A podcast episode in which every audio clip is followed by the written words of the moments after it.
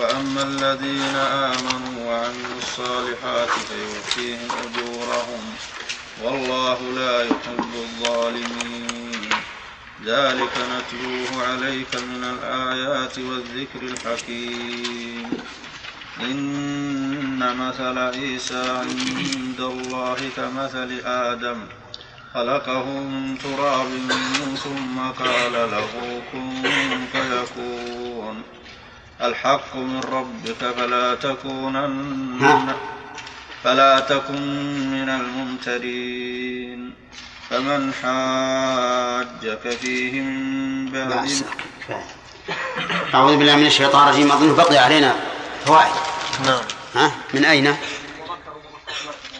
قال الله عز وجل ومكروا ومكر الله والله خير الماكرين. يستفاد من هذه الآية الكريمة أن أعداء الرسل يكيدون لهم ويمكرون لهم بقوله ومكروا. وننتقل من هذا إلى أن أعداء الرسل أيضا يمكرون لأتباع الرسل لأتباع الرسل. لأن أعداء الرسل ليسوا يمكرون للرسل أو يمكرون بالرسل من أجل أنهم فلان وفلان لكن من أجل دعوتهم. ودعوتهم إذا ورثها العلماء من بعدهم فإن الذين يمكرون للرسل سيمكرون بأتباع الرسل وورثة الرسل. وينبني على هذه الفائدة أنه يجب على أهل العلم أن يتحفظوا تحفظا كاملا من أعداء الرسل الذين يتربصون بهم الدوائر. وأن يتقوا شرهم بما بما استطاعوا لئلا يمكروا بهم. والمكر ووسائله وطرقه كثيرة لكن العاقل الذكي ينتبه. ولهذا قال الله عز وجل للرسول عليه الصلاة والسلام في المنافقين قال هم العدو فاحذرهم. هم العدو فاحذرهم. فبين أنهم أنهم هم العدو حقيقة وأمر بالحذر منهم. ومن فوائد هذه الآية وصف الله عز وجل بالمكر لكنه لا يوصف به على سبيل الإطلاق بل يقال إن الله ماكر بمن يمكر به ليعود المكر صفة كمال لأن المكر إذا ذكر مطلقا صار محتملا للنقص. فإذا ذكر مقيدا بأن قيل إن الله تعالى ماكر بما يمكر به وبأوليائه صار صفة كمال يدل على قوة الله عز وجل وإحاطة علمه وأن علمه أدق من علم هؤلاء الماكرين الذين يأتون بالأسباب الخفية والطرق الملتوية. ليوقعوا عباد الله في الشر فيكون الله سبحانه وتعالى أقوى منهم في ذلك أقوى منهم في هذا. إذا مكروا مكر الله عز وجل. طيب ولا يجوز أن يسمى الله بالماكر مطلقا. طيب يسمى بالماكر؟ لا. يوصف بالماكر على سبيل الإطلاق؟ لا. يوصف بالماكر مقيدا. وسبق لنا أنه يجوز أنه أن الله وصف نفسه بالمكر. والكيد والسخرية والخداع والاستهزاء ولم يصف نفسه بالخيانة أبدا لأن الخيانة صفة ذم بكل حال. وإن يريد خيانتك فقد خانوا الله من قبل فأمكن منهم ولم يقل فخانهم. لأن الخيانة خديعة في مقام الائتمان والخديعة في مقام الائتمان صفة ذم صفة ذم ونقص. طيب. ومن فوائد الآية الكريمة جواز المفاضلة بين الخالق والمخلوق في الوصف. كما قال والله خير الماكرين وخير اسم تفضيل. فيجوز أن يفاضل بين الخالق والمخلوق لأن هذا مطابق للواقع تماما. فالله تعالى أكمل من كل ذي كمال. عرفت؟ وبه تتفرع أو ومنه تتفرع قاعدة وهي خطأ بعض أهل العلم رحمهم الله حيث يفسرون اسم التفضيل المنسوب إلى الله باسم الفاعل. فيقول مثلا في قوله تعالى الله أعلم حيث يجعل رسالته يقولون الله عالم حيث يجعل رسالته. ولم يتفطنوا أنهم إذا قالوا الله عالم لم يمنع مشاركة غيره في في العلم مع المساواة. لكن إذا قالوا الله أعلم إيش؟ امتنع مشاركة غيره له في العلم الذي هو الذي هو أعلم به من غيره. نعم. ومن ف... نعم. والله خير الماكرين. ثم قال تعالى إذ قال الله يا عيسى إني متوفيك إلى آخره. في هذه الآية الكريمة التنبيه على أنه ينبغي أن نذكر الناس بأحوال الأنبياء السابقين. وجه ذلك أننا قدرنا إذ قال الله بإيش؟ اذكر إذ قال الله. فينبغي أن يذكر الإنسان الناس بأحوال الأنبياء السابقين. لما في ذلك من محبتهم والثناء عليهم ومعرفة أحوالهم وإبقاء ذكراهم وغير ذلك من المصالح العظيمة. ومن فوائد هذه الآية الكريمة إثبات القول لله وأنه بحروف وبأصوات مسموعة لقوله يا عيسى إني متوفيك. وهذا خطاب من يسمع. ثم هو كلمات من حروف ولا من غير حروف؟ من حروف. ولهذا كان مذهب أهل السنة والجماعة أن الله يتكلم كلاما مسموعا بحرف وصوت. ومن فوائد الآية الكريمة الرد على من قال إن كلام الله هو المعنى النفسي. المعنى القائم بنفسه. فإن هذا لا يسمى قولا وإن أطلق عليه القول فلا بد أن يقيد. كما في قوله ويقولون في أنفسهم لولا يعذبنا الله بما نقول. فلما أراد القول النفسي إيش؟ قيده. يقولون في أنفسهم. أما إذا جاء القول غير مقيد فالمراد به ما يسمع. ففيه الرد على الأشاعرة. الذين يقولون إن كلام الله هو الكلام النفسي القائم بنفسه وأنه أزلي لا يحدث ولا يسبق بعضه بعضا لأنه معنى معنى قائم بالنفس والحقيقة أن هذا القول مضمونه إنكار كلام الله إنكار كلام الله. ولهذا قال بعض منصفيهم ليس بيننا وبين المعتزلة فرق لأننا نقول جميعا إن هذا القرآن الذي في في المصحف مخلوق. لأن لأن الأشاعرة يقولون إن الله تعالى لا لا يتكلم بما يسمع لكن يخلق كلاما يعبر به عما في نفسه. وعلى هذا فالمسموع والمقروء والمكتوب مخلوق فيتفق المعتزلة والأشاعرة. بل إن المعتزلة خير منهم من جهة النسبة لأنهم يقولون هذا كلام الله وأولئك يقولون هذا عبارة عن كلام الله عبارة عن كلام الله وليس كلام الله. المهم أن هذه الآية وأمثالها فيها الرد على من؟ على الأشاعرة. طيب. ومن فوائد الآية الكريمة فضيلة عيسى ومنقبته بخطاب الله إياه. فإن من خاطبه الله فذلك فخر له بلا شك خصوصا وأنه قال له إني متوفيك ورافعك إلي إلى آخره. ومن فوائدها أن الله سبحانه وتعالى رفع عيسى بجسمه لقوله ورافعك والخطاب لعيسى المكون من بدن وروح. فيكون رفعه إيش؟ بجسمه ببدنه. ومن فوائدها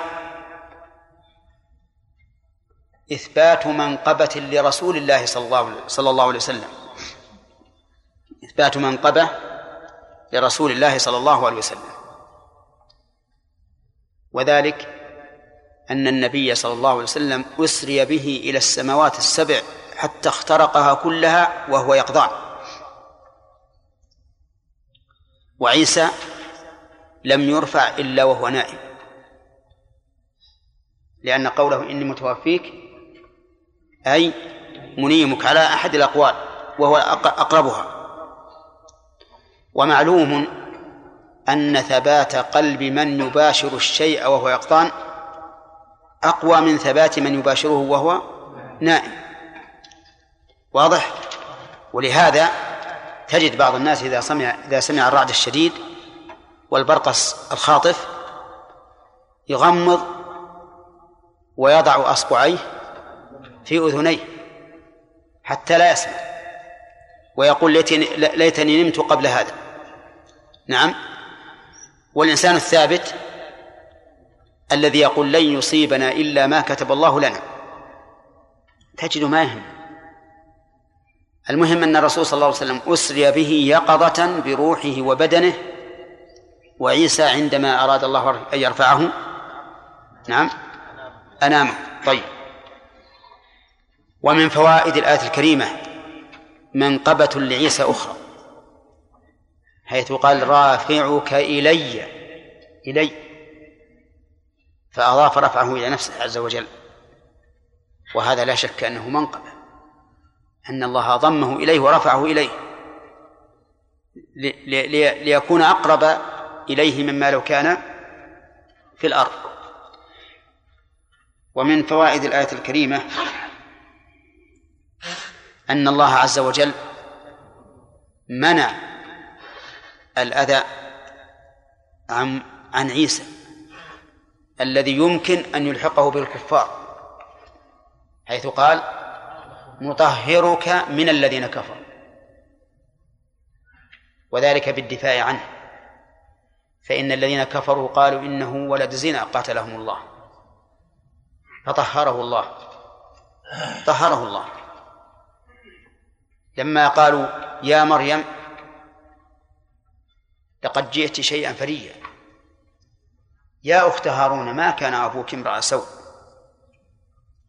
وما كانت أمك بغية؟ منين جاء الزنا؟ من أين جاءك الزنا؟ لأن هذا تعريض. هذا تعريض. يقول أبوك ما كان امرأ سوء بل هو نزيه وأمك كذلك. فمن أين جاءك الزنا؟ شوف أعوذ بالله. ما لم تجاوبه. أشارت إليه. اسألوا اسألوا الطفل. قالوا كيف نكلم من كان في المهد صبيا؟ فأجابهم قبل أن يسألوه وش قال؟ قال إني عبد الله. إلى آخر. آتينا الكتاب إلى آخره. هذا تطهير عظيم له. ولأمه رضي الله عنه. ومن فوائد الآية الكريمة أن كل من رمى عيسى بهذا السوء فهو كافر. لأنه لم يقل مطهرك من الذين قدحوا فيك. قال من الذين كفروا. فيستفاد من هذا أولا كفر هؤلاء وثانيا أن كل من رماه بذلك فهو كافر. ومن فوائد الآية الكريمة أن نصرة الأتباع نصرة للمتبوع. نصرة الأتباع نصرة للمتبوع. من أين؟ وجاعل الذين اتبعوك فوق الذين كفروا لولا أنه يفرح بذلك ويسر ما بشره الله به. لكن من المعلوم أن كل إنسان يدل على هدى فينتصر أتباعه من المعلوم أنه سيفرح. لأنه كلما انتصر أتباعه قوي الهدى الذي الذي قاد الناس إليه فعظم أجره. فإن من دل على هدى كان له مثل أجر فاعله. نعم. ومن فوائد الآية الكريمة أن أتباع عيسى منصورون إلى يوم القيامة. لقوله فوق الذين كفروا إلى يوم القيامة. وسبق لنا من أتباعه. ها؟ بعد بعثة الرسول صلى الله عليه وسلم هم أمة محمد. ومن كفر بمحمد فإنه لم يتبع عيسى. وذكرنا وجها آخر أن النصارى سيكونون فوق غيرهم من من ملل الكفر. لكن الإسلام فوق الجميع. ولكن متى يكون الإسلام فوق الجميع؟ إذا رجع المسلمون إلى الإسلام حقيقة. حقيقة. أما إذا لم إلى الإسلام حقيقة فيخشى أن يكون النصارى فوقهم. يخشى أن يكون النصارى فوقهم. نعم. والواقع. ها؟ الواقع الآن مع الأسف يشهد لهذا نعم طيب. ومن فوائد الآية الكريمة إثبات يوم القيامة. إثبات يوم القيامة. لقوله إلى يوم القيامة. ويوم القيامة هو اليوم الذي يبعث فيه الناس للجزاء. إن خيرا فخير وإن شرا فشر. وسمي يوم قيامة يا محمد الفاضلي عبد الكريم عبد الكريم لماذا سمي يوم القيامة؟ هذا واحد. كمل. نعم. يقوم فيه الأشهاد. كمل.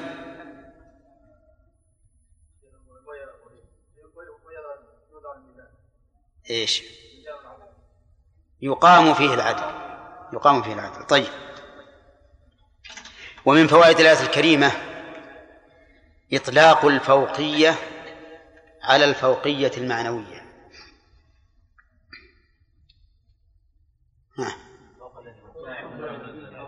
يعني معناه أنهم يكونوا على سقف فوق رؤوسهم. ها؟ لا. حسية. ها؟ فوقية معنوية. صح. إذن إثبات الفوقية المعنوية كالفوقية الحسية. ومن فوائد الآية الكريمة أن مرجع الخلائق إلى ربهم عز وجل الذي ابتدأ خلقهم ستكون النهاية إليه. لقوله ثم إلي مرجعكم ولا بد. ولهذا قال الله تعالى يا أيها الإنسان إنك كادح إلى ربك. الإنسان مخاطب كل إنسان مو بس المؤمن كل إنسان. إنك كادح إلى ربك كدحا فملاقيه. كادح إليه. إلى للغاية النهاية إلى الله. ثم أكد هذه النهاية بقوله فملاقيه. يعني فاستعد لهذا اللقاء. طيب. ومن فوائد الآية الكريمة إثبات حكم الله في الدنيا والآخرة. سأحكم بينكم. هذا في الآخرة.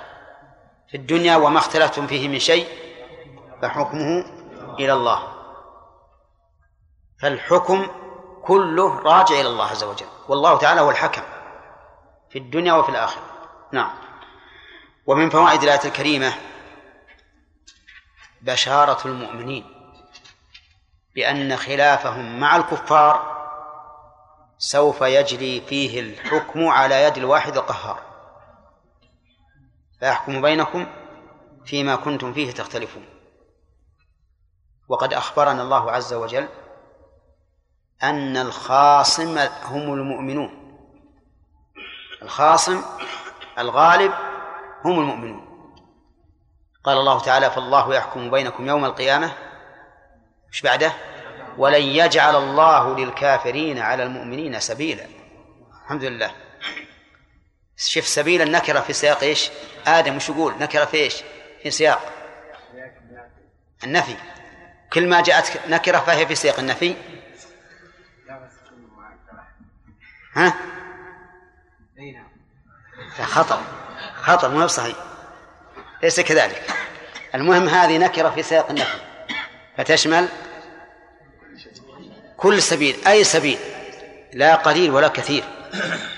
وهذه بشرى. يعني أي خصم يقال له أي خصم في الدنيا يقال له أنت فارج على كل حال. يعني القاضي يقول للخصم شف تخاصموا عندي وأنت الغالب. على كل حال هل جرت جرى مثل هذه الخصومة؟ أبدا لكن خصومتنا مع الكافرين والحمد لله الحكم لنا فيها مقدم. والله يحكم بينكم يوم القيامة ولن يجعل الله للكافرين على المؤمنين سبيلا. نعم. الحمد لله. طيب. و... نعم. اي صحيح. نعم. من فوائد الآية الكريمة ثبوت علو الله تعالى بذاته لقوله ورافعك إلي. لأن الرفع معروف أنه الصعود إلى أعلى. فإذا قال إلي علم يقينا أن الله فوق عز وجل وهو كذلك. هو فوق كل شيء بذاته. ولا ينافي هذا ما ثبت من أنه عز وجل ينزل كل ليلة إلى السماء الدنيا حين يبقى ثلث الليل الآخر. هو نازل وهو عالي ولا ينافي هذا أيضا أنه مع الخلق كما قال عز وجل وهو معكم أينما كنتم. فهو مع الخلق وهو عال عليهم كما قال شيخ الإسلام في الواسطية قريب علي في دنوه قريب في علوه. ولا ينافي هذا أيضا. أنه يأتي يوم القيامة للفصل بين العباد فهو يأتي ولكنه فوق كل شيء. ولا ينافي هذا أنه يدنو عشية يوم عرفة يباهي بأهل الموقف الملائكة. إذا قال قائل كيف لا ينافي هذا؟ أنا لا أتصور أن شيئا يكون عاليا نازلا أبدا. قلنا تبا لك. أنت لا تتصور هذا بالنسبة لمن؟ للمخلوق. أما بالنسبة للخالق فكل ما أخبر الله به عن نفسه فهو حق. حق لا يتناقض. وليس فيه لا يمكن. أبدا. إذا قلت لا يمكن معناها أنك لن تصدق أخبار الله ورسوله إلا إذا وافقت هواك. وإلا فلا. ولهذا ضل من ضل من الناس. في مثل هذه الأمور حيث قالوا هذا غير ممكن وهذا غير ممكن. نعم. وبنوا عقيدتهم على أهوائهم. إذا كان تريد أن تبني عقيدتك على هواك فما الفائدة من الرسل؟ لا فائدة من من الرسل. إذا كان أنت تريد أن تبني العقيدة على ما تهوى أنت أنت. وإذا جاءت الرسل بكلام يخالف ما عندك ذهبت تحرفه. إذن لا فائدة من الرسل. ولهذا أنا أنصحكم دائما وأبدا وأكرر أن تقبلوا كل ما جاء في الكتاب والسنة من صفات الله عز وجل ومن صفات اليوم الآخر أيضا لأن في اليوم الآخر أشياء ما ما ما, ما تكون في الدنيا. دنو الشمس من الناس قدر ميل يوم القيامة. لو جاء لو كان في الدنيا احترقت الأرض ومن عليها. لكن في الآخرة شيء آخر. كون الناس هذا في نور وهذا في ظلمة والموقف واحد في الدنيا؟ ها؟ لا يمكن. لو جيب أدنى سراج معك انتفع به من إلى جنبك. في الآخرة ممكن. في الدنيا في الآخرة الناس يعرقون على قدر أعمالهم منهم من يلجمه العرق ومنهم من إلى كعبيه. والمقام؟ واحد. في الدنيا يمكن ولا ما يمكن؟ ما يمكن. فأمور الآخرة أمور الغيب كلها. لا يجوز لك أن تقيسها بما تشاهد في الدنيا لأن القياس هنا ممتنع فهو قياس مع الفارق. لا سيما في صفات الخالق عز وجل فإن الفارق فارق بعيد بين صفات الخالق وصفات المخلوق. ولذلك حذاري أن تقيس ما أثبت الله لنفسه من الصفات بما تعرفه من صفات المخلوقين. فإنك ستضل سمع. بالله من الشيطان الرجيم إن مثل عيسى عند الله كمثل كمثل آدم خلقه من تراب ثم قال له كن فيكون.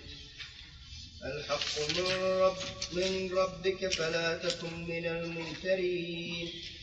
فمن حاجك فيه من بعد ما جاءك من العلم فقل تعالوا ندعو أبناءنا وأبناءكم ونساءنا ونساءكم وأنفسنا وأنفسكم ثم نبتهل فنجعل لعنة الله على الكاذبين. إن هذا لهو القصص الحق ومن ومن وما من إله إلا الله وإن الله له وإن وإن وإن الله. وإن الله لهو العزيز الحكيم. تولوا. نعم بس. أعوذ بالله من الشيطان الرجيم. أظن هذا ما وصلنا إليه. فوائد. نعم. من فوائد الآية الكريمة أن مرجع الخلائق إلى الله نهاية وحكما. نهاية وحكما. فإن الناس يبعثون يوم القيامة إلى ربهم حكما يحكم بينهم. ومن فوائدها إثبات الجزاء. لقوله تعالى فأحكم بينكم وهذا حكم جزائي. ومن فوائدها أن الخصومة تقع بين المؤمنين والكافرين في في يوم القيامة. لقوله فأحكم بينكم. ويحتمل أن يقال إن هذا حكم سبقت الخصومة فيه في الدنيا حيث كان الكفار والمنافقون يختصمون. ولكن الأول أقرب ويؤيده قوله تعالى إنك ميت وإنكم ميت وإنهم ميتون ثم إنكم عند ربكم يوم القيامة تختصمون. ثم إنكم يوم القيامة عند ربكم تختصمون. نعم. ومن فوائد الآية الكريمة أن الاختلاف بين المسلمين والكفار اختلاف جوهري. يحكم الله فيه بين هؤلاء وهؤلاء يوم القيامة. وأما الاختلاف بين المسلمين فيما مصدره الاجتهاد فإنه لا, لا يحكم بينهم لأن المجتهدين وإن اختلفوا في الحكم فإنهم لم يختلفوا في الحقيقة لأن كل واحد منهم يعذر الآخر ولا يرى أنه مخالف له. وإن خالفه في القول والرأي لكنه لم يخالفه في المنهج والطريقة. كل واحد منهم يريد الحق ولكن اختلفوا في كيفية الوصول إليه. ومن فوائد الآية الكريمة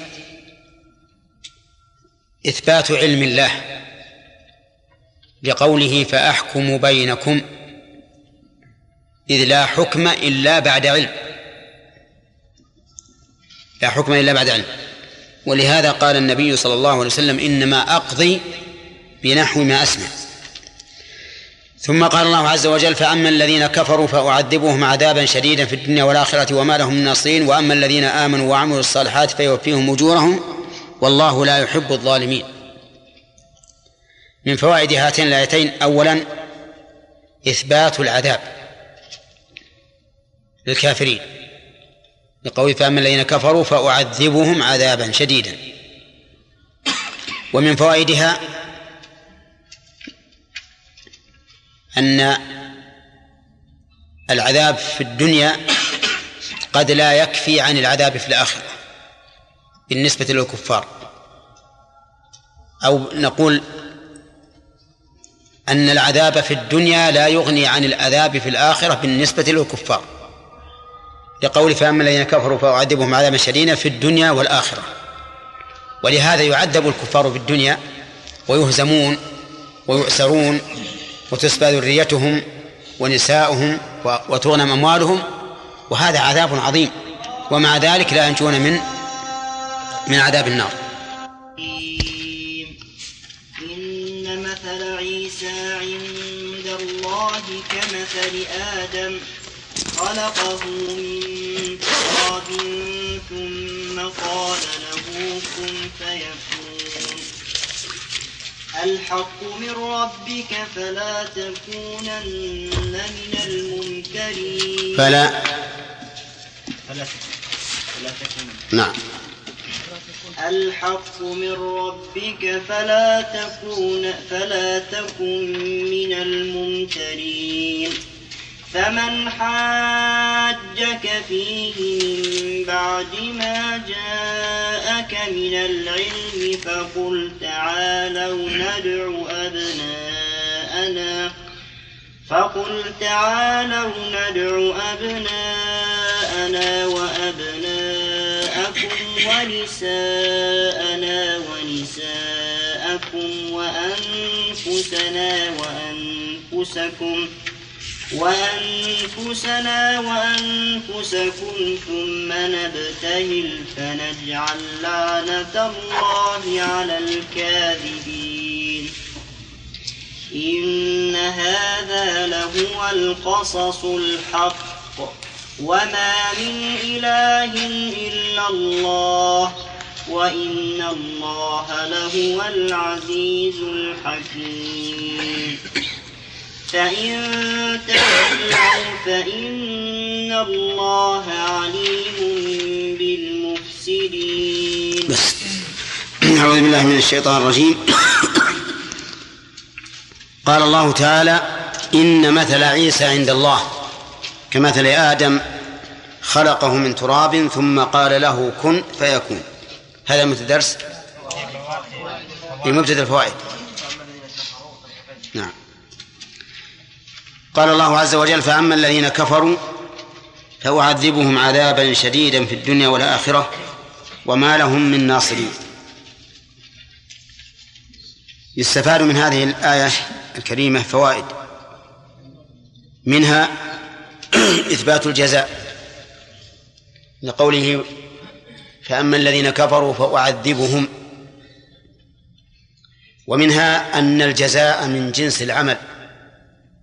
فكلما كان العمل أسوأ كان الجزاء أشد. ولهذا قال فأعذبهم عذابا شديدا. ومنها أن العذاب عذاب الكافرين يكون في الدنيا ويكون في الآخرة.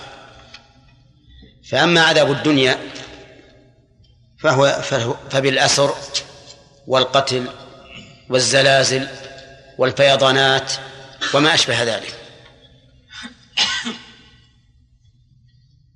كما قال الله تعالى قاتلوهم يعذبهم الله بأيديكم. وهذا بماذا؟ بالقتل والأسر وأما العذاب بالزلازل وشبه وشبهها ففي فكقوله تعالى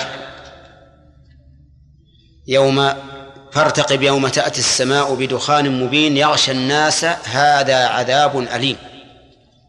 هذا عذاب من الله عز وجل. والأول عذاب بأيدي المؤمنين. طيب ومن فوائد هذه الآية الكريمة أن الكفار لا ناصر لهم من عذاب الله. لا أحد يمنعهم لقوله وما لهم من ناصرين. أما في الآخرة فظاهر لأن الشفاعة لا تنفع فيهم. لقوله تعالى ولا يشفعون إلا لمن ارتضى وأما في الآخرة وأما وأما في الدنيا فكذلك لأن هؤلاء الكفار إذا عذبوا بأيدي المؤمنين فالمقاتلة منهم يقتلون والنساء والذرية يسبون. والأموال والأراضي تغنم. وهذا لا ناصر لهم فيه. فإن قال قائل أليس الإمام يخير في الأسرى بين أمور أربعة؟ بين القتل والفداء بمال أو بنفس مؤمنة والاسترقاق والمن بين أمور أربعة. إما القتل أو الفداء بمال أو بأسير مسلم أو الاسترقاق يجعله رقيقا يباع ويشترى أو المن مجانا. لا إشكال في, في, في الأشياء الثلاثة. الأولى الإشكال في الأخير. وهو وهو المن. وهذا ليس بعذاب. فالجواب عن ذلك أن نقول إنه لا يجوز للإمام أن يختار واحدة من هذه الأربع إلا حيث يرى للمسلمين فيها مصلحة. فالتخيير هنا تخيير مصلحة وليس تخيير تشهي واختيار. وإذا كان للمسلمين مصلحة فلا بد أن يكون هذا عذابا على الكافرين. لأن كل شيء فيه مصلحة للمسلمين ففيه عذاب للكافرين. طيب. وعلى هذا فلا ناصر لهم لا في الدنيا ولا في الآخرة. ثم قال الله تعالى وأما الذين آمنوا وعملوا الصالحات فيوفيهم أجورهم. يستفاد من هذه الآية بلاغة القرآن وحكمة القرآن. بلاغته في الإتيان بالمعاني متقابلة. لأن الإتيان بالمعاني متقابلة توجب نشاط الإنسان حيث ينتقل الذهن من معنى إلى ما يقابله فيزداد نشاطا وشغفا. وأما من جهة كمال البلاغة ف فلأن المعاني إذا تنوعت على وجوه التقابل ازداد اللفظ حسنا وهذا معروف عند علماء البلاغة باسم علم إيش؟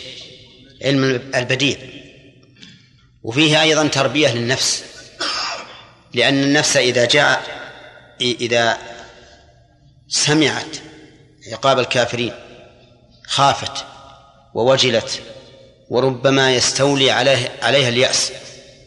فإذا جاء ثواب المؤمنين طمعت وغل ورجت فصار سيرها إلى الله تعالى بين الخوف والرجاء ومن فوائد الآية الكريمة أن أن وفاء الأجر مرتبط بوصفين. الإيمان والعمل الصالح. فالإيمان وحده لا يكفي بل لا بد من عمل صالح ينمي هذا الإيمان ويشهد بصحته. أما مجرد العقيدة فإنها لا تكفي على أن العقيدة إذا كانت سليمة استلزمت العمل الصالح. لقول الرسول صلى الله عليه وسلم ألا وإن في الجسد مضغة؟ إذا صلحت صلح الجسد كله. وإذا فسدت فسد الجسد كله. شوف يا محمد اللي يقرأ خلوه يخفض صوته. ألا وهي القلب. ومن فوائد الآية الكريمة أن العمل لا ينفع إلا إذا كان صالحا. والعمل الصالح ما جمع وصفين. الإخلاص لله والمتابعة لرسول الله صلى الله عليه وسلم. أي ما كان خالصا صوابا كما قال الفضيل بن عياض رحمه الله. ومن فوائد الآية الكريمة منة الله سبحانه وتعالى على عباده حيث جعل هذا الجزاء كالأجور اللازم وفاؤها. لقوله فيوفيهم أجورهم. والفرق بين التعبيرين. هناك قال فأعذبهم عذابا شديدا. وهنا قال فيوفيهم أجورهم. ومن فوائد الآية الكريمة إثبات المحبة لله. لقوله والله لا يحب الظالمين. فإن قال قائل كيف تستدلون على إثبات المحبة بنفي المحبة؟ لأنه قال لا يحب الظالمين. فالجواب أن نفي المحبة عن الظالمين دليل على ثبوتها لغيرهم. ولو كانت منتفية عن الجميع لم يكن لتخصيصها بالظالمين فائدة. ولهذا استدل الشافعي رحمه الله على ثبوت رؤية المؤمنين لله بقول الله تعالى عن الفجار كلا إنهم عن ربهم يومئذ لمحجوبون. وقال في وجه الاستدلال ما حجب أعداءه عن رؤيته في الغضب إلا لثبوت رؤية أوليائه له في الرضا. وهذا واضح. ومن فوائد الآية الكريمة شؤم الظلم. شؤم الظلم على الإنسان. وأنه سبب لانتفاء محبة الله له. وإذا انتفت محبة الله للعبد فقد هلك. ومن فوائدها أن الظلم من كبائر الذنوب. لأنه رتب عليه وعيد. وهو انتفاء محبة الله سبحانه وتعالى. ولكن الظاهر أن هذا ليس على سبيل الإطلاق. بل الظلم يكون كبيرة ويكون صغيرة لأن جميع المعاصي ظلم. ومن المعاصي ما هو كبير ومنها ما هو صغير. ومن فوائد الآية ما التي قبلها؟ التنوع في الأسلوب. وهو الانتقال من ضمير التكلم إلى ضمير الغيبة فأعذبهم. وهنا قال فيوفيهم. فهل هناك فرق من حيث المعنى؟ الجواب نعم فرق من حيث المعنى. أما اللفظ فظاهر. ففيه التفات من ضمير الخطاء التكلم إلى ضمير الغيبة. لكن نريد الفرق في المعنى. الفرق في المعنى أن العذاب عقوبة. يستدعي سلطة وقهر وقهرا وعزة. فكان الأنسب التعبير بماذا؟ بأعذب الدالة على قوة السلطان أما هذه فكأن الله سبحانه وتعالى للتودد مع هؤلاء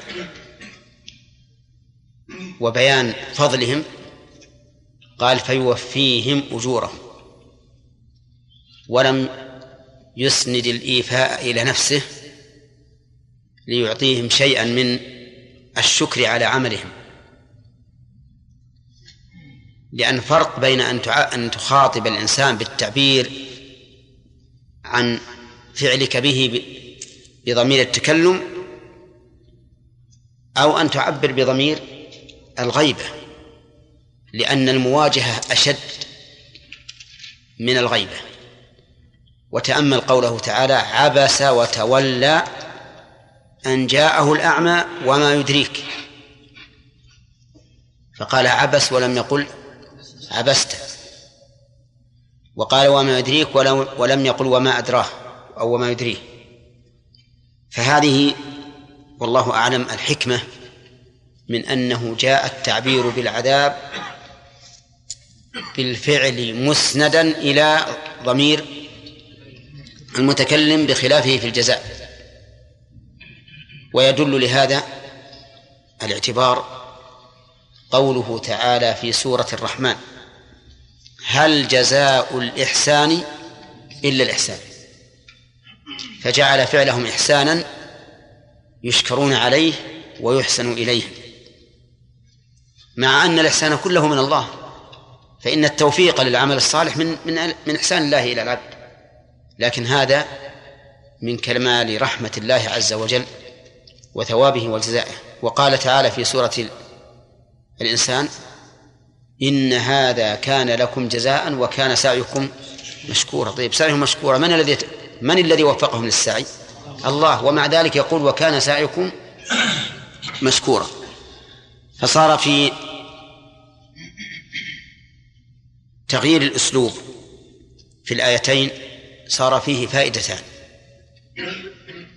لفظية ومعنوية. اللفظية هو الالتفات الذي يوجب الانتباه.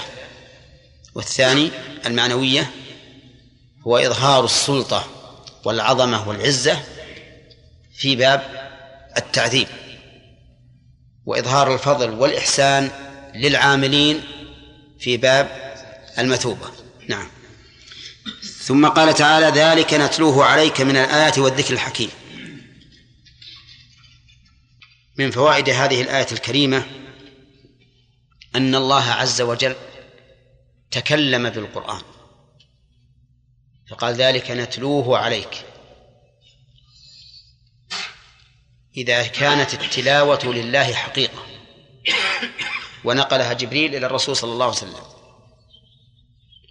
ويحتمل أن تكون التلاوة لله لجبريل لكن لما كان جبريل رسولا لله نسب فعله إلى من؟ إلى الله.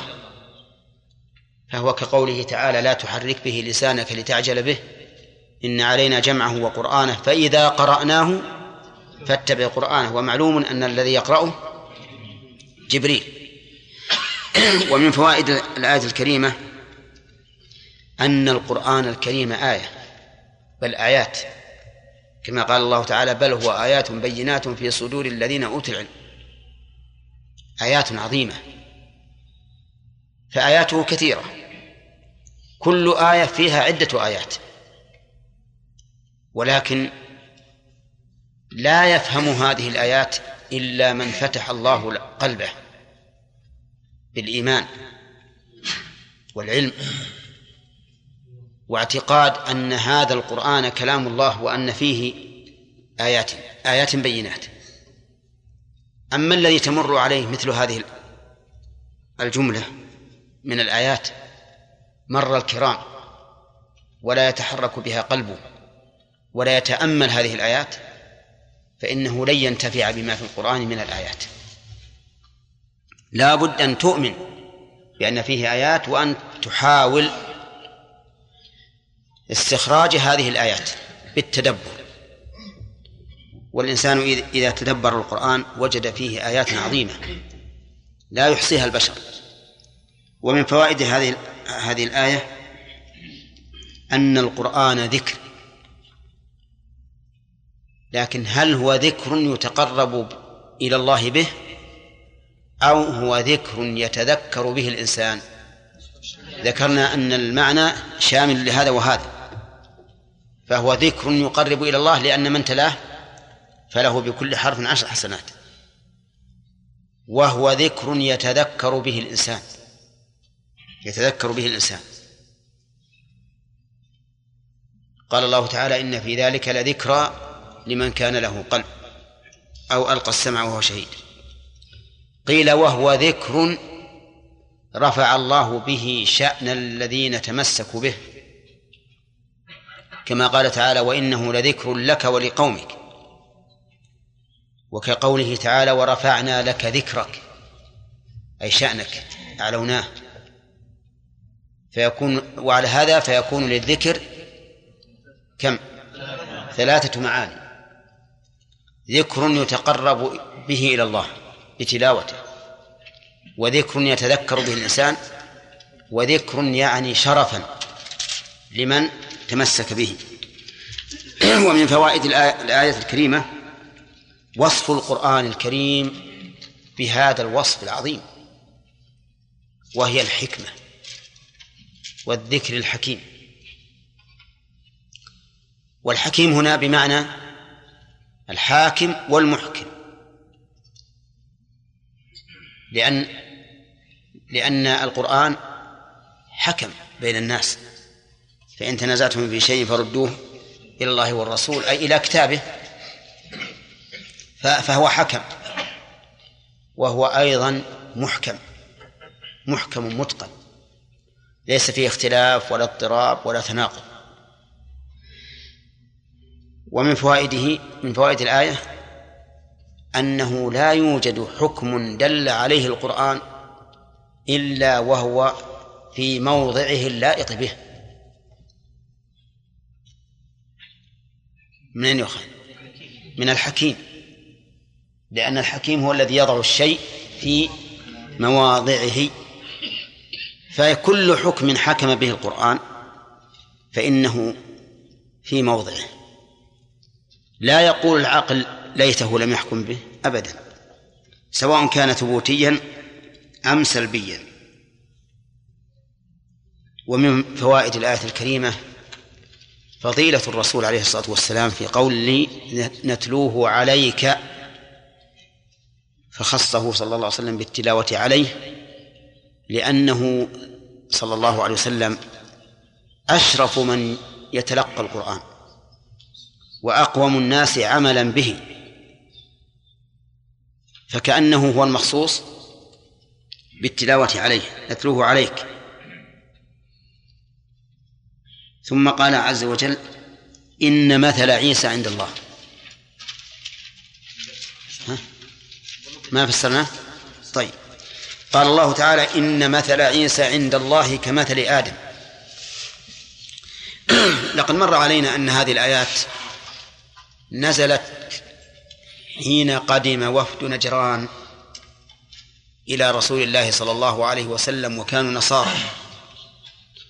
وكان قدومهم في سنة تسع من الهجرة لأن تلك السنة كثر فيها الوافدون إلى رسول الله صلى الله عليه وسلم ولهذا تسمى سنة الوفود.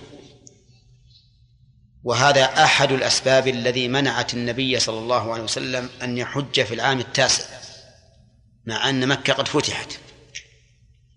إن مثل عيسى عند الله كمثل آدم يعني شأنه إن شأن عيسى عند الله كشأن آدم. لا يختلف عنه. فكما أننا متفقون على أن آدم خلقه الله عز وجل من غير أب ولا أم. حتى النصارى يؤمنون بهذا. فما بال النصارى يقولون كيف خلق الله عيسى بلا بلا أب. ما هو إلا ابنه. نعوذ بالله. فقالوا إنه ابن الله جزء منه. ولم يقولوا إن آدم ابن الله.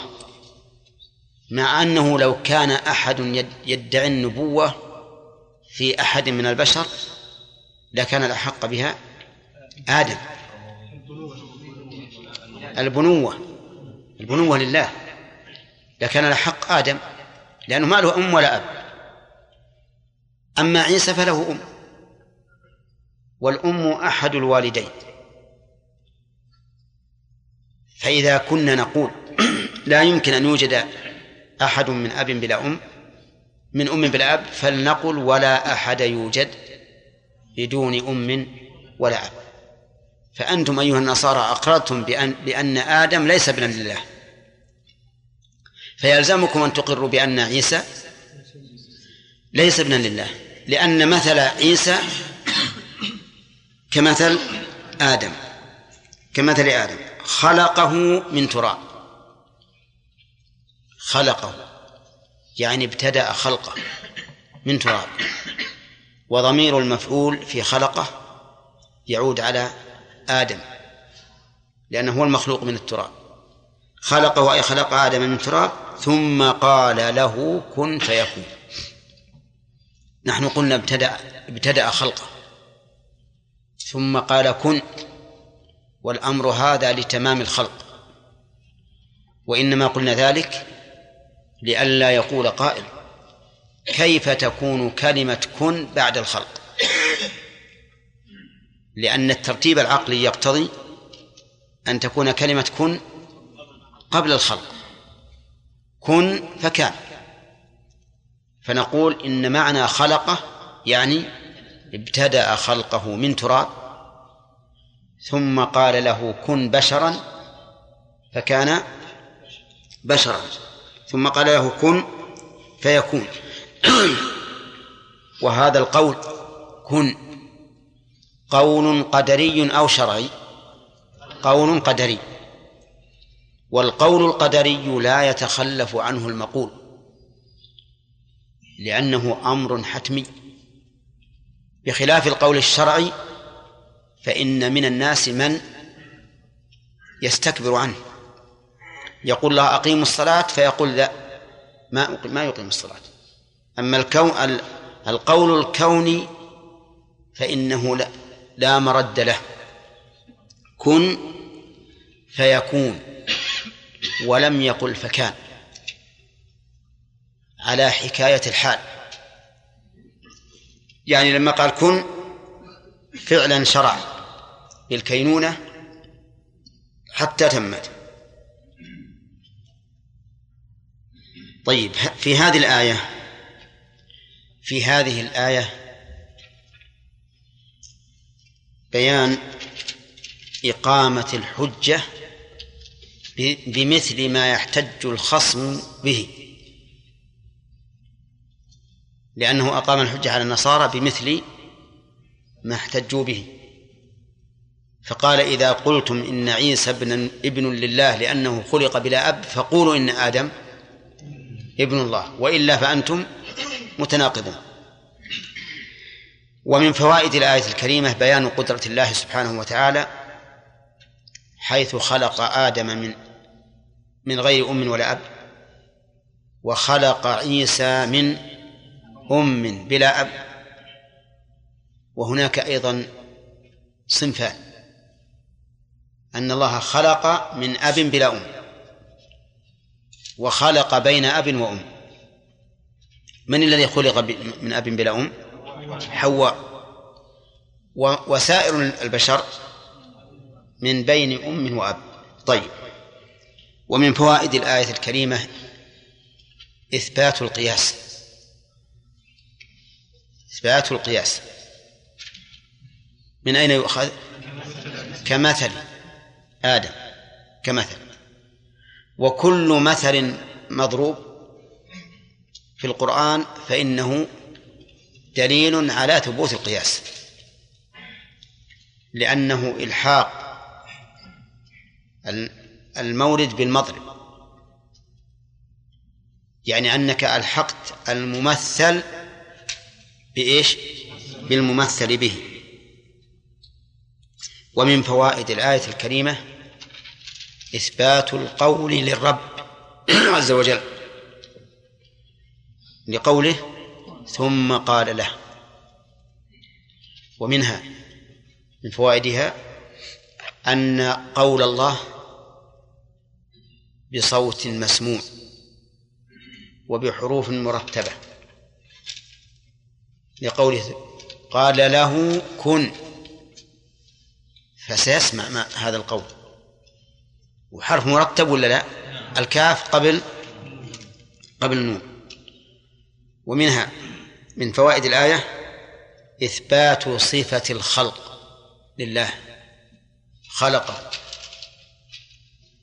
والخلق صفة ذاتية أو فعلية؟ ها؟ فعلية. من الصفات الفعلية. لكن قد مر علينا أن جنس الصفات الفعلية إيش؟ ذاتية ذاتي. لأن الله لم يزل ولا يزال فعالا. ثم قال ثم قال الله عز وجل الحق من ربك فلا تكونن من الممترين. ها؟ فلا تكن. فلا تكن من الممترين. الحق من ربك. الحق خبر مبتدأ محذوف. والتقدير ذلك الحق. أي هذا الذي قص عليك هو الحق. وعلى هذا فتكون شبه الجملة وهي من ربك تكون في موضع نصب على الحال من الحق. ويحتمل على بعد أن يكون الحق مبتدأ ومن ربك خبره. وفائدة هذا التركيب على على هذا الإعراب فائدته أنك لا تطلب الحق من غير الله. فكأنه يقول مصدر الحق من من الله فلا تطلبه من غيره. طيب الحق يوصف به الحكم ويوصف به الخبر. فإن وصف به الحكم صار معناه العدل. وإن وصف به الخبر صار معناه الصدق. والصدق والعقل كلاهما ثابت ولهذا وصفا بالحق. وأصل الحق من حق الشيء إذا ثبت كما قال الله تعالى وكذلك حقت كلمة ربك على الذين فسقوا أنهم لا يؤمنون. حقت يعني ثبتت. إذن في إعرابها وجهان عبد المنان. الحق من ربك في إعرابها وجهان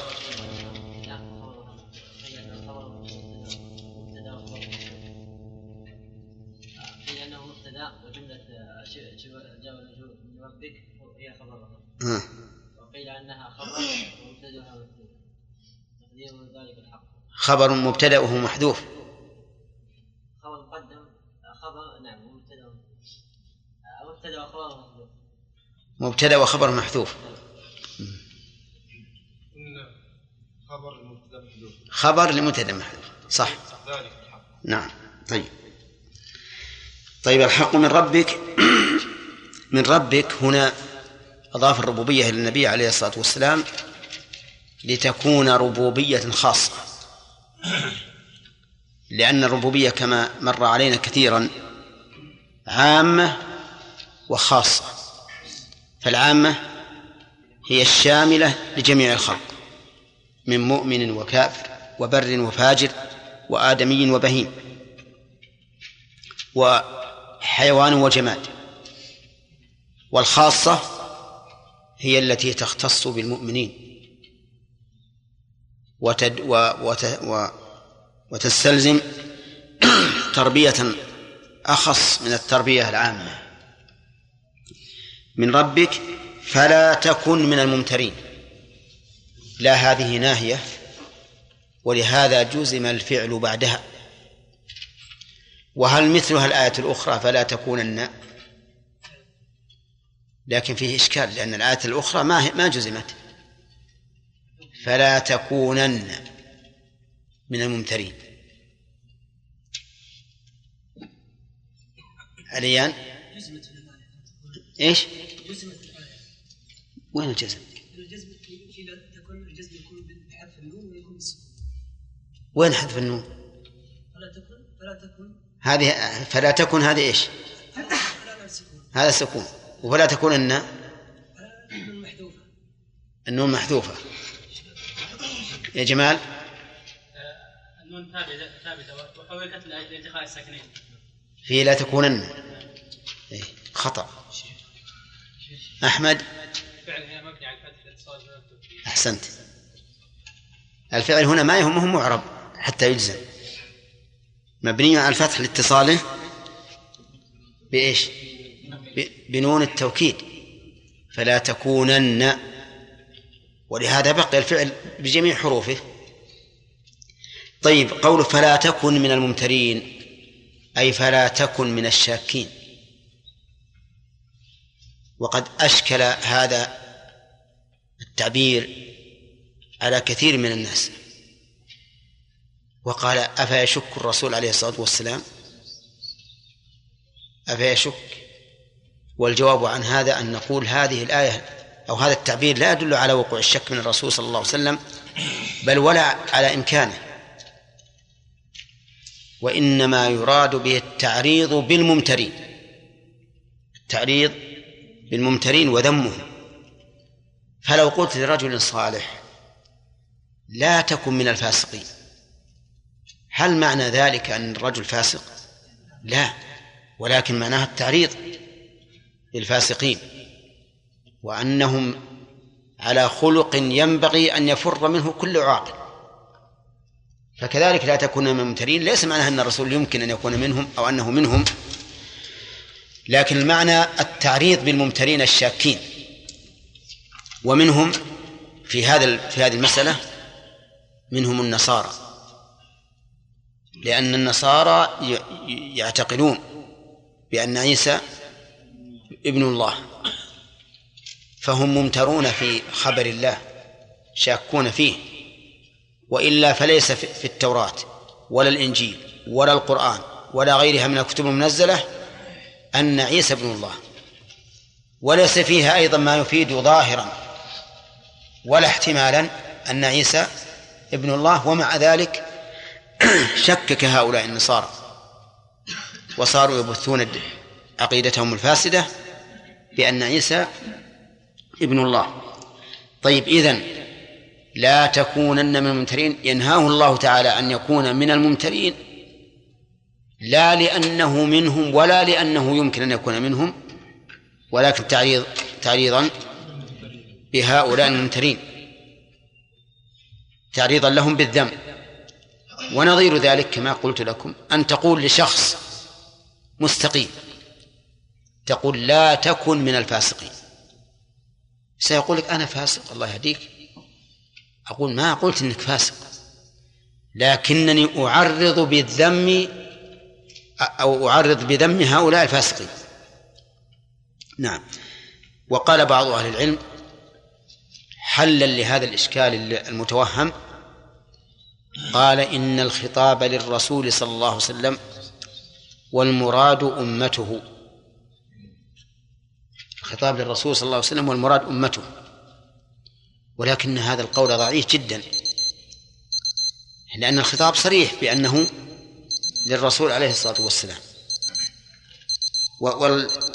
وكذلك المحادثة مع الرسول الحق من ربك. كيف نقول المراد؟ الحق من ربك فلا تكونوا يا أمة محمد من الممترين. هذا هذا مؤدى هذا المعنى أو هذا القول. وهو بعيد من الأسلوب القرآني ولكن المعنى الذي ذكرته هو الصواب. أن الرسول صلى الله عليه وسلم لم يمتري ولن يمتري ولكن هذا من باب التعريض كأنه يقول, كأنه يقول استمر على ما أنت عليه من اليقين وما أقبح حال هؤلاء الممترين. نعم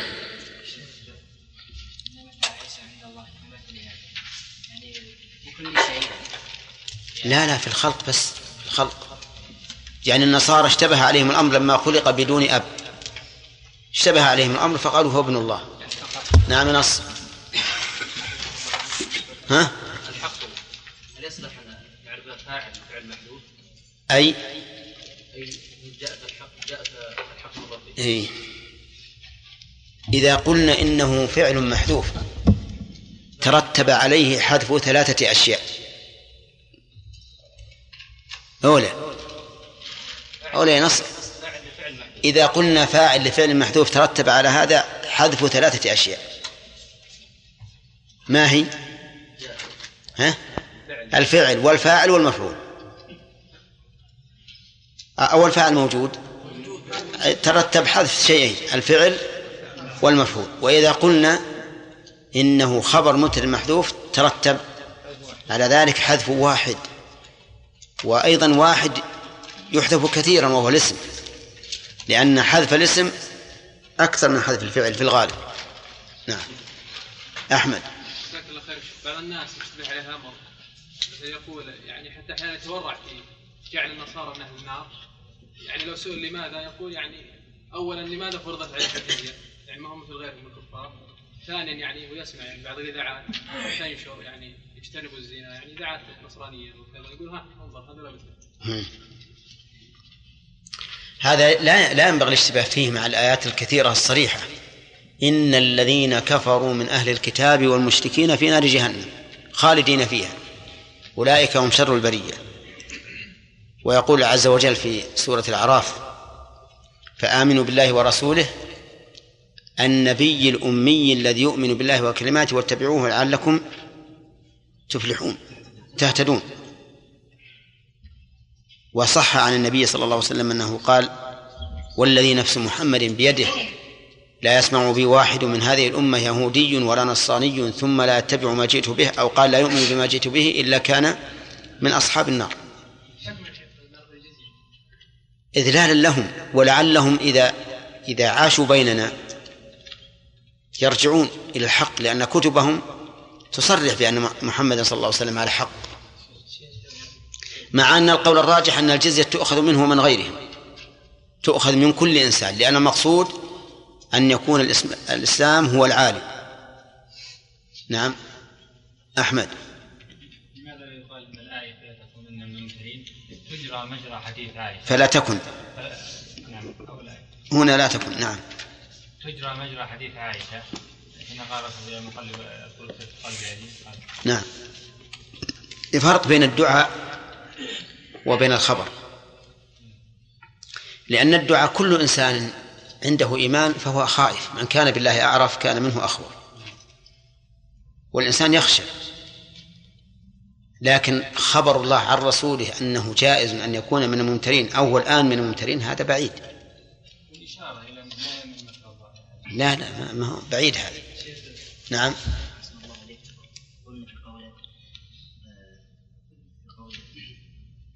من تراب أي ابتدأ خلقه من تراب ثم بعد ذلك قال في النشأة الله سبحانه قادر أن يكون نشأته وابتداؤه بكن فيكون كذلك يعني ابتداؤه وخلقه لماذا اختار بس آه، أن النشأة بكن فيكون هو ما مر علينا مثل هذا. كل خلق الله يقول إن القادر أن يقول كن فيكون قبل أن يخلقه من التراب ثم يكونه. كل المخلوقات قادر أن الله يخلقها بكلمة كن. ومع ذلك ما فعل. لأن مخلوقات الله تحتاج إلى حكمة وتدرج. وأشياء يحتاج بعضها إلى بعض. ولهذا ما خلق السماوات والأرض بكن. خلقها في ستة أيام. وهو قادر أن يخلقها بكلمة كن. على قوله سبحانه وتعالى قال له كن فيكون على أن الله سبحانه وتعالى له صوت مسموع نعم. حروف مرتبة. نعم. طيب هل اللغة كانت عربية؟ علشان نستدل على الاستدلال؟ يعني ما يتكلم الله به عند إرادة الخلق. ما ندري عاد هل هو باللغة العربية أو لا؟ نعم. كلمة كن هذه حرف. حرفين اثنين. واحد قبل الثاني. هذا هو الترتيب. إيه. نعم. ولا تكن من يستفاد من الفاء يعني الامر إذا كان الأمر من ربك الحق من ربك فلا تكن من ال... يعني شرط محذوف في هذا الجمله إيه. يعني إذا كان الأمر الحق من ربك فلا أسمعتم كلام الأخ هداية؟ يقول إن الفاء رابطة لجواب شرط مقدر. كذا؟ أي نقول لا حاجة إلى هذا لأنه ينبغي أن نفهم قاعدة أننا لا نلجأ إلى التقدير إلا عند الضرورة إليه. أما متى استقام ال- الكلام بدون تقدير فهذا هو الواجب. لأنك إذا قلت إن الكلام لا يستقيم إلا بالتقدير إيه، إذا قلت إن الكلام فيه شيء مقدر معناه أن الكلام الآن ناقص. ولا يمكن أن نصف الكلام بالنقص إلا عند الضرورة. إذا رأينا أنه لا يستقيم المعنى إلا بالتقدير فنعم. أما هنا فيستقيم ونجعل الفاء هنا للتفريع. أي فبسبب كونه من ربك لا تكن من الممترين الرجيم. إن مثل عيسى عند الله كمثل آدم خلقه من تراب. خلقه من تراب ثم قال له كن فيكون. الحق من ربك فلا تكن من الممترين. فمن حاجك فيه من بعد ما جاءك من العلم فقل تعالوا فقل تعالوا ندع أبناءنا وأبناءكم ونساءنا ونساءكم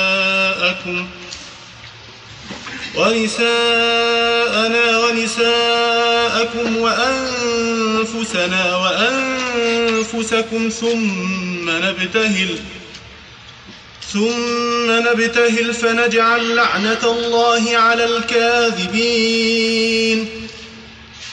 إن هذا لهو القصص الحق وما من إله إلا الله وإن الله لهو العزيز الحكيم. فإن تولوا فإن الله عليم بالمفسدين. كفاية.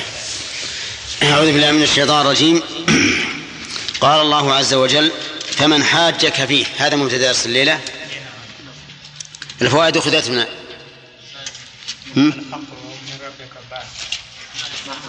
الفوائد ذلك نتلوه عليك من الآيات. أخذنا فوائدها؟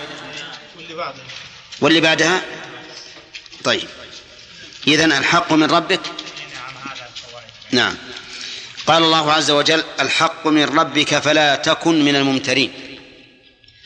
في هذه الآية من الفوائد أن الله تعالى لا يصدر منه إلا الحق. الحق من ربك. ومن فوائدها فضيلة رسول الله صلى الله عليه وسلم بإضافة الربوبية إليه. وذلك لأن الربوبية هذه خاصة والربوبية الخاصة تفيد معنى أخص من الربوبية العامة. ومن فوائدها النهي عن الشك فيما أخبر الله به لقوله فلا تكونن من الممترين فلا تكن من الممترين. ومن فوائدها أن الممترين كثيرون. لقوله من الممترين وإن كان يحتمل أن يراد به الجنس فيصدق بواحد لكن الظاهر الأول. ولا شك أن الممترين من بني آدم كثيرون لأن ذرية بني آدم منهم تسعة تسعمائة وتسعة وتسعون كلهم من أهل النار. نعم. ومن فوائدها جواز التعريض أو جواز المخاطبة بالتعريض. لأن قوله فلا تكونن من الممترين لا يعني أن الرسول يمكن أن يكون منهم بل هو تعريض بهؤلاء. وأنهم ذو خلق سيء فلا تكن منهم. وإن كان هو لا ليس منهم لا باعتبار الواقع ولا بالمستقبل. ثم قال تعالى فمن حاجك فيه. حاجك أي جادلك. وسميت المجادلة محاجة لأن كل واحد من المتجادلين يدلي بحجته من أجل أن يخصم الآخر ويحجه. ومن الحديث تحاج آدم وموسى أي طلب كل واحد منهما أن يحج الآخر. وأيهما الذي حج؟ آدم. نعم. حاجك إذن جادلك. وسميت المجادلة محاجة لأن, لأن كل واحد من المتجادلين يدلي بحجة ليغلب الآخر. وقول فمن حاجك من هذه شرطية؟ وجواب الشرط فقل تعالوا. وقول من حاجك فيه الضمير يعود على عيسى. والمراد بالمحاجة في عيسى ليس في ذاته لأن عيسى معلوم أنه بشر لكن في شأنه وقضيته. وقول فمن حاجك فيه من الذي يمكن أن يحاج النبي صلى الله عليه وسلم في عيسى؟ هم النصارى. وهذه الآية الآيات وما هذه الآية وما قبلها كلها نزلت في وفد نجران من النصارى. فمن حاجك فيه. من بعد ما جاءك من العلم. يعني بعد أن علمت قضيته وشأنه وتيقنته فالذي يحاجك فيه ادعه للمباهلة. ادعه للمباهلة. وفي قوله من بعد ما جاءك أتى بمن؟ الدالة على أن على أن النبي صلى الله عليه وسلم أمر بالمباهلة بعد أن تروى من العلم.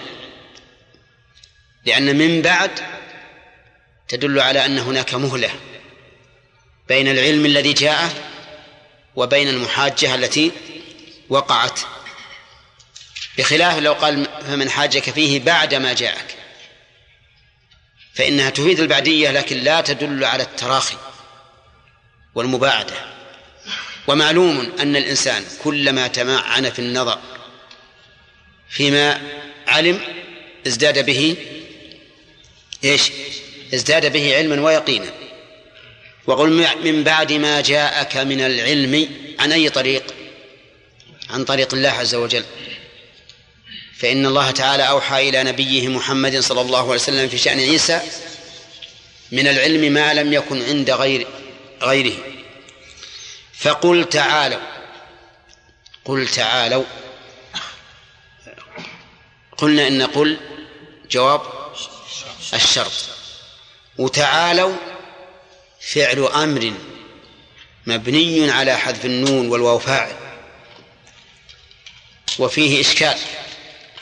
لأن تعالوا جمع. ومن حاجك إيش؟ مفرد. مفرد. فكيف صح أن يكون الجمع عائدا على مفرد؟ الجواب أن الأسماء الموصولة وأسماء الشرط المشتركة يعني التي تصلح للمفرد وغيره يجوز في العائد إليها أن يعود إليها باعتبار اللفظ وأن يعود إليها باعتبار المعنى. فإن عاد إليها باعتبار اللفظ صار إيه مفردا. وباعتبار المعنى صار جمعا. نعم ولا فرق بين أن يكون هذا الجائز في كلام واحد أو في كلا في في كلامين. فمثلا ومن يؤمن بالله ويعمل صالحا يدخله جنات تجري من تحتها الأنهار. ما الذي روعي في ذلك؟ ها؟ يدخله. ها؟ خالدين فيها أبدا. المعنى. قد أحسن الله له. اللفظ. آية واحدة. روعي فيها اللفظ. ثم المعنى. ثم اللفظ. كذا؟ لو روعي اللفظ كل كل. هذه الجمل لقيل خا... نعم. ومن يؤمن بالله ويعمل صالحا يدخله جنات تجري من تحت النهار خالدين فيها أبدا قد أحسن الله له. خالدا فيها أبدا قد أحسن الله له. ولو روعي المعنى لقيل ومن يؤمن بالله ويعمل صالحا يدخلهم جنات تجري من تحتها النهار خالدين فيها أبدا قد أحسن الله لهم رزقا. طيب. وقوله تعالوا هل هي اسم فعل أمر أو فعل أمر. نقول هي فعل أمر. لأن اسم فعل الأمر لا تدخله العلامات. يعني ما ما تتصل به الضمائر. اسم فعل الأمر لا تتصل به الضمائر. قال الله تعالى والقائلين لإخوانهم هلم هلم إلينا. هلم إلينا. لماذا لم يقل هلم لأنه اسم فعل أمر واسم فعل الأمر لا تدخله لا, لا تتصل به الضمائر. ولهذا تقول الجماعة صح. يعني اسكتوا ولا تقول صهوا فإن اقترنت به الضمائر صار فعل أمر. ولهذا نقول تعالوا فعل أمر ولا اسم فعل؟ فعل أمر طيب. تعالوا يعني أقبلوا. أقبلوا. لكنها أقبلوا بتعال وارتفاع. وكأن المنادي ينادي هذا ليرتفع إليه فيكلمه بما يريد. وقوله ندعو أبناءنا. فقل تعالوا ندعو أبناءنا. ندعو كيف ندعو؟ وين الواو؟ هذه محذوفة الواو. على سبيل الجزم. لأنها جواب جواب الطلب. إيه الأمر. جواب الطلب وهو الأمر. ومعلوم أن جواب الطلب إذا سقطت منه الفاء وجب الجزم فيه. طيب فقل تعالوا ندعو أبناءنا وأبناءكم. كيف قال ندعو ولم يقل أدعو؟ نعم لم يقل ذلك لأنهم إذا جاءوا معه صاروا جماعة. ندعو أبناءنا وأبناءكم ونساءنا ونساءكم وأنفسكم. هذه الآية كما ترون بصيغة الجمع أبناءنا والرسول واحد عليه الصلاة والسلام أبناءكم هم جماعة لا بأس ونساءنا الرسول واحد ولم يقل نسائي ونساءكم جماعة واضح وأنفسنا وأنفسكم الرسول واحد ولا ولا عدة أنفس؟ واحد. نعم. فما المراد بهذا؟ اختلف المفسرون في ذلك. فقال بعض المفسرين المراد بقوله ندعو أبناءنا وأبناءكم المراد بأبنائنا الحسن والحسين. ونساءنا ونساءكم المراد بنساءنا فاطمة بنت الرسول صلى الله عليه وسلم. وأنفسنا المراد بالأنفس علي بن أبي طالب. علي بن أبي طالب. فيكون أربعة كذا؟ أبناءنا حسن والحسين. نساءنا فاطمة. أنفسنا علي بن أبي طالب. أما هؤلاء النفر الوفد الوفد فليس معهم نساء وليس معهم أولاد. كلهم رجال بالغون عاقلون.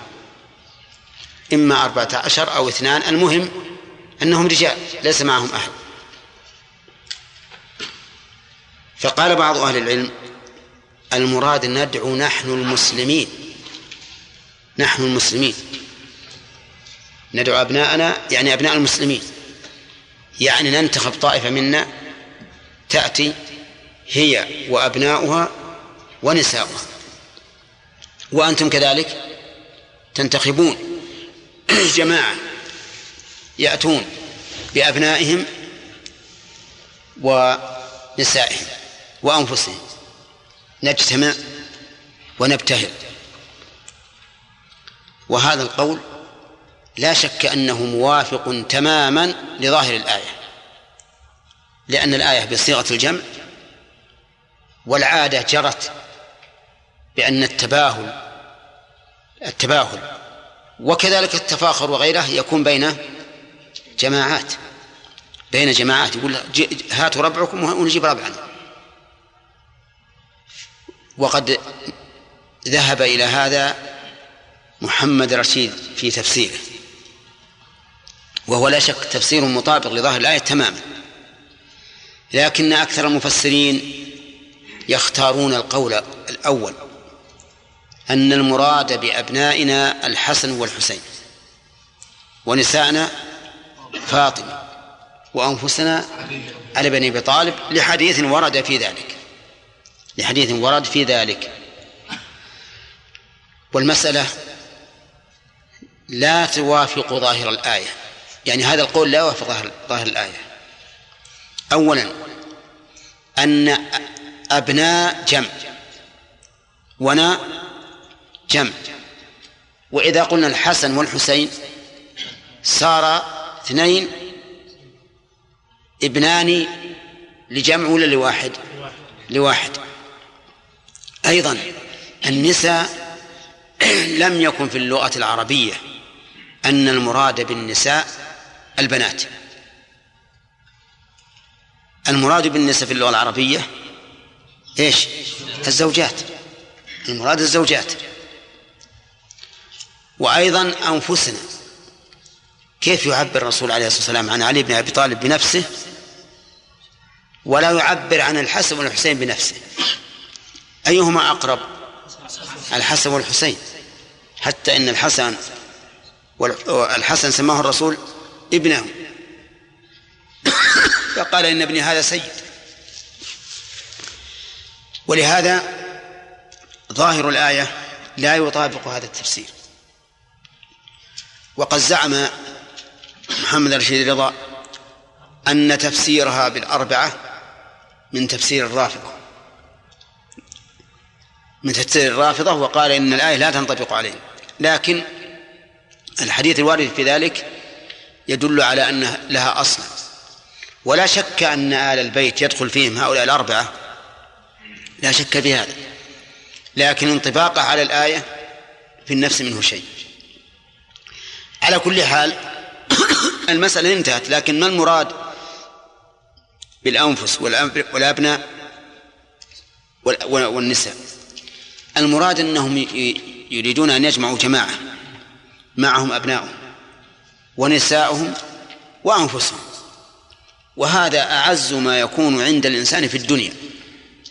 هذا أعز ما يكون. نفسه أبناؤه زوجاته. يحضرون. ويحضر الخصم أيضا. نفسه وابنه أبناءه ونساءه.